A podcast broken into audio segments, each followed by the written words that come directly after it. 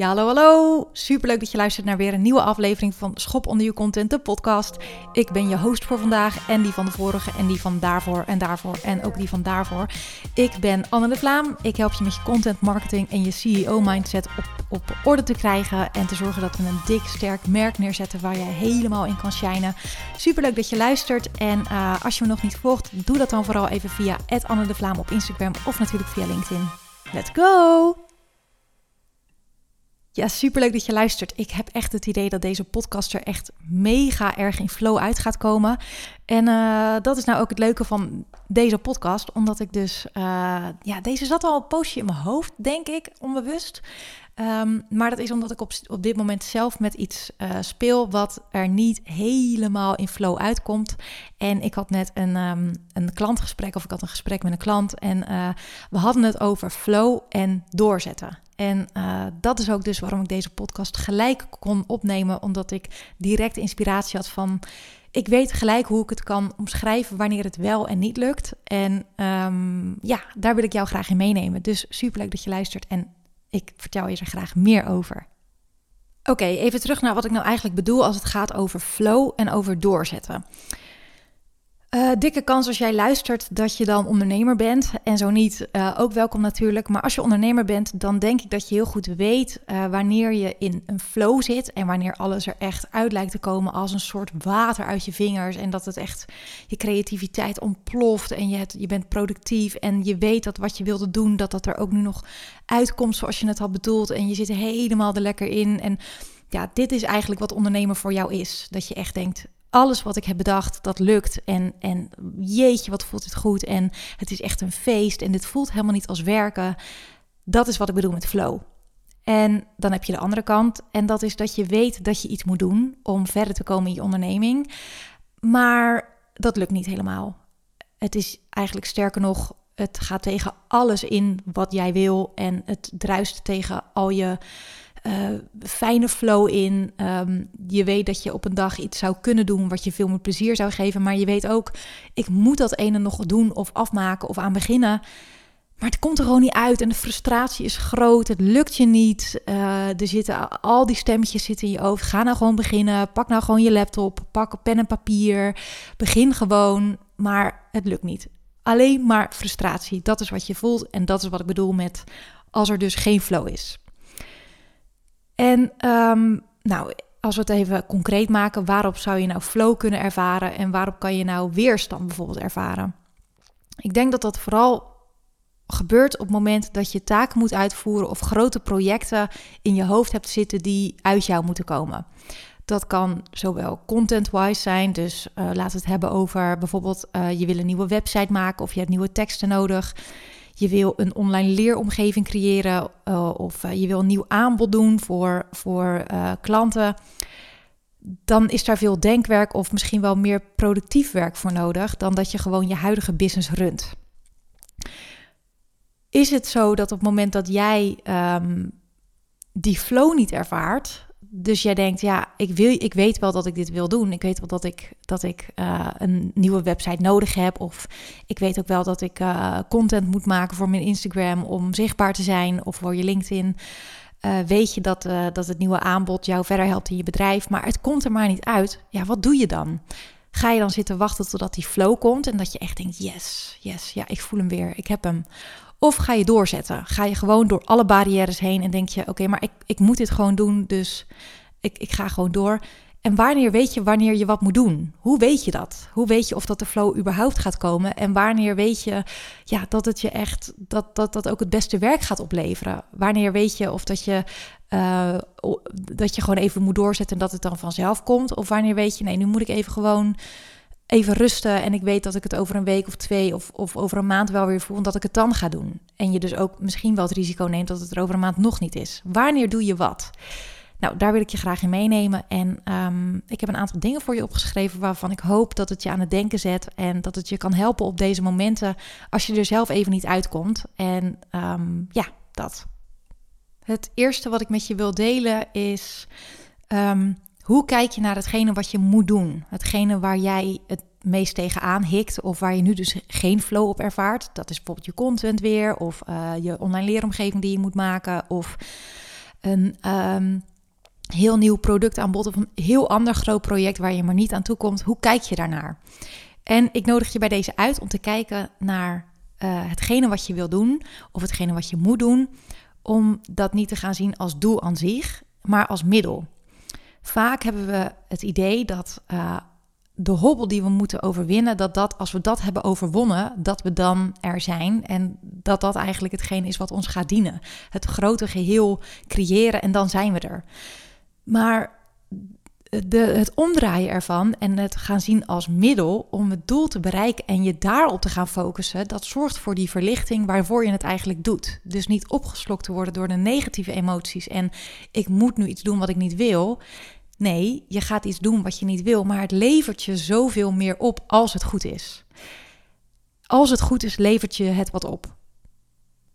Want als het goed is, dan levert het je op dat je dadelijk op een makkelijkere manier klanten kan aantrekken door een website die wel helemaal bij jou past en jouw aanbod wel helemaal goed neerzet.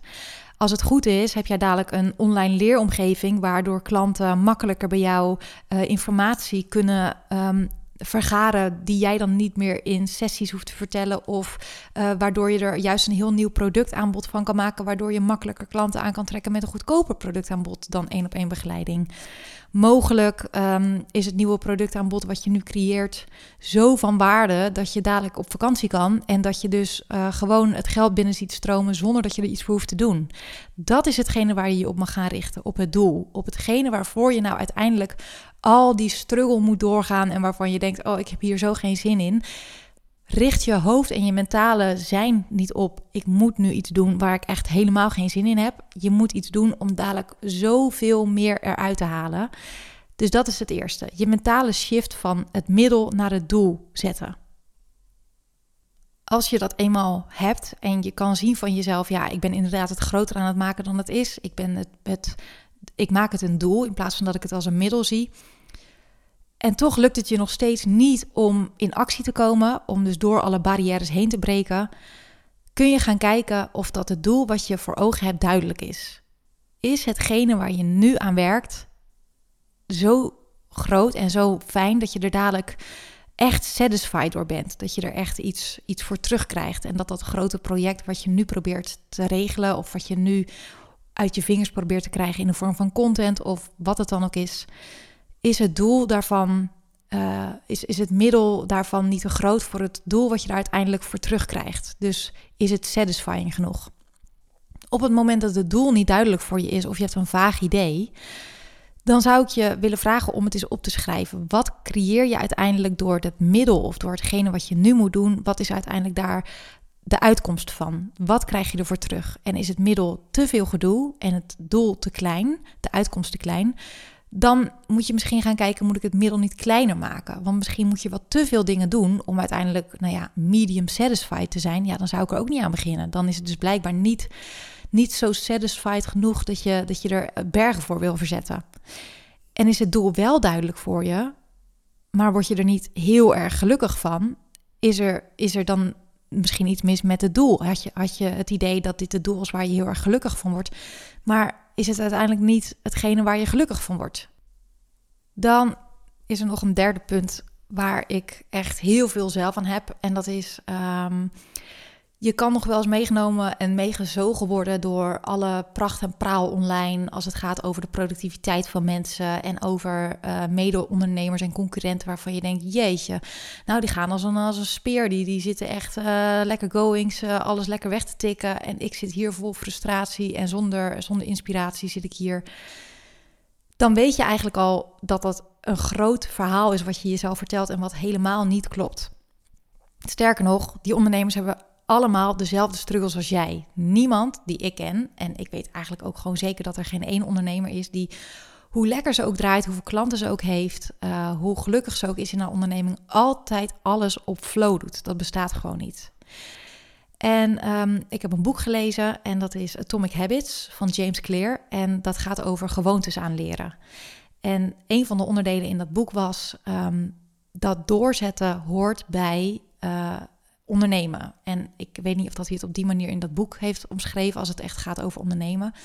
Maar het kwam in ieder geval neer op dat de beste ondernemer of, of iemand die iets doet of zich eigen heeft gemaakt, omdat uh, Atomic Habits gaat over jezelf gewoontes aanleren, dat gaat niet per se over alleen maar dingen leuk vinden, maar um, omarmen dat er saaiheid is in dingen creëren of je eigen maken.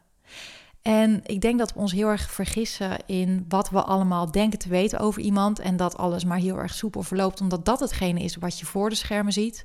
Maar dat achter de schermen er zoveel gedoe en bloed, zweet en tranen in dingen zitten die je niet ziet. En saaiheid omarmen in dingen die je dagelijks moet doen om te zorgen dat je verder komt. Ik denk dat daar een hele grote sleutel in zit als je dat accepteert. En niet alleen maar denkt: ik wil dat alles op flow gaat en ik wil alleen maar dat iets leuk is. Maar gewoon accepteren dat ondernemen ook gewoon heel erg saai kan zijn. En dat je dagen hebt die niet spetterend zijn. En dat je momenten hebt dat je denkt: oh, ik heb hier zo geen zin in, maar dat het erbij hoort. En er zijn heel veel dingen die je kan uitbesteden. Uh, echt heel veel dingen. Maar sommige dingen moet je zelf doen. En aan jou de taak om te kijken: kan ik mezelf er, ertoe zetten om mijn mentale zijn om te zetten naar het is even niet leuk, maar het hoort erbij. En ik weet dat als ik dit eenmaal heb afgerond, dan, dan heb ik de saaiheid, saaiheid omarmd. En weet ik van mezelf dat ik trots mag zijn op het resultaat wat ik heb neergezet. En ben ik nog verder in mijn business. En dat is wat me dient. Het verder komen, mezelf overwinnen, uh, zorgen dat ik wel doorzet en dat het, dat het me gewoon lukt wanneer je op die doorzettour zit van oké, ik wil gewoon dat dit me lukt en uh, het is echt oer en oerzaai, of het is gewoon echt heel erg niet wat ik wil, of ik word er gewoon zo grijnig van of whatever, dan zegt James Clear uit hetzelfde boek van Atomic Habits, zorg dat je het onaangename combineert of beloont met iets aangenaams. Je kan bijvoorbeeld zeggen: Oké, op het moment dat ik aan dit grote project werk, dan gun ik mezelf dat ik uh, in een koffietentje ga zitten, want daar vind ik het fijner om te werken. Maar ik kan het niet uh, constant betalen om alleen maar in de horeca te zitten. Maar aan dat project mag ik gelijktijdig mag ik altijd in de horeca zitten. Of je zegt, ik beloon mezelf met iets. Op het moment dat ik het project heb afgerond, dan zorg ik dat ik iets leuks heb om naar uit te kijken, om uh, iets sociaals te plannen. Of koop ik een mooi um, weet ik het. Eh, wie weet eh, heb je al iets heel lang in gedachten wat je zou willen kopen, maar wat je jezelf eigenlijk niet gunt. Zorg dat je er dan iets over, tegenover zet. Dat je jezelf echt beloont met datgene waar je nu echt helemaal niet gelukkig van wordt. En natuurlijk blijft het doel hetzelfde. Dat je het doel, dat je het doel dient wat je uiteindelijk uh, in je business, wat je verder helpt. Of de, de satisfaction die je hebt op het moment dat je het hebt afgerond. Door je, je, je business groter te maken of, of beter passend bij jou. En dat is al natuurlijk het doel aan zich. Maar blijkbaar uh, op het moment dat je nog steeds niet echt helemaal lekker op gang wordt, dat je niet helemaal lekker op gang komt Misschien mag je er dan iets praktischer tegenover zetten. Dus het belonen, hetgene wat je het allerliefste zou willen op dat moment om dat te doen, gelijktijdig of achteraf. En ik heb nog een laatste tip voor je en die vind ik zelf echt beren interessant. Die gaat namelijk over um, je cyclus. En uh, als jij een vrouw bent, dan zit je in een cyclus en die duurt zolang als dat je cyclus duurt. Dus bij sommige vrouwen duurt die 28 dagen, bij sommige 30, bij sommige 35. En um, ik ben in een boek bezig en dat heet uh, de cyclusstrategie. En in dat boek wordt verteld over de vier seizoenen die wij hebben als vrouw en welk seizoen dient voor uh, wat je als vrouw meemaakt in die periode. Dus uh, even heel kort, als je ongesteld bent, zit je in je winter. Daarna kom je in je lente. Daarna kom je in je zomer. Daarna in je herfst. En in de, als je weer ongesteld wordt, dan zit je in je winter. Iedere cyclus die dient een ander doel. Dus waar je in de winter uh, het liefst wil terugtrekken en lekker met een kleedje op de bank. Uh, ben je je weer aan het opladen voor je nieuwe cyclus? Ben je in de her, of sorry, ben je in de lente?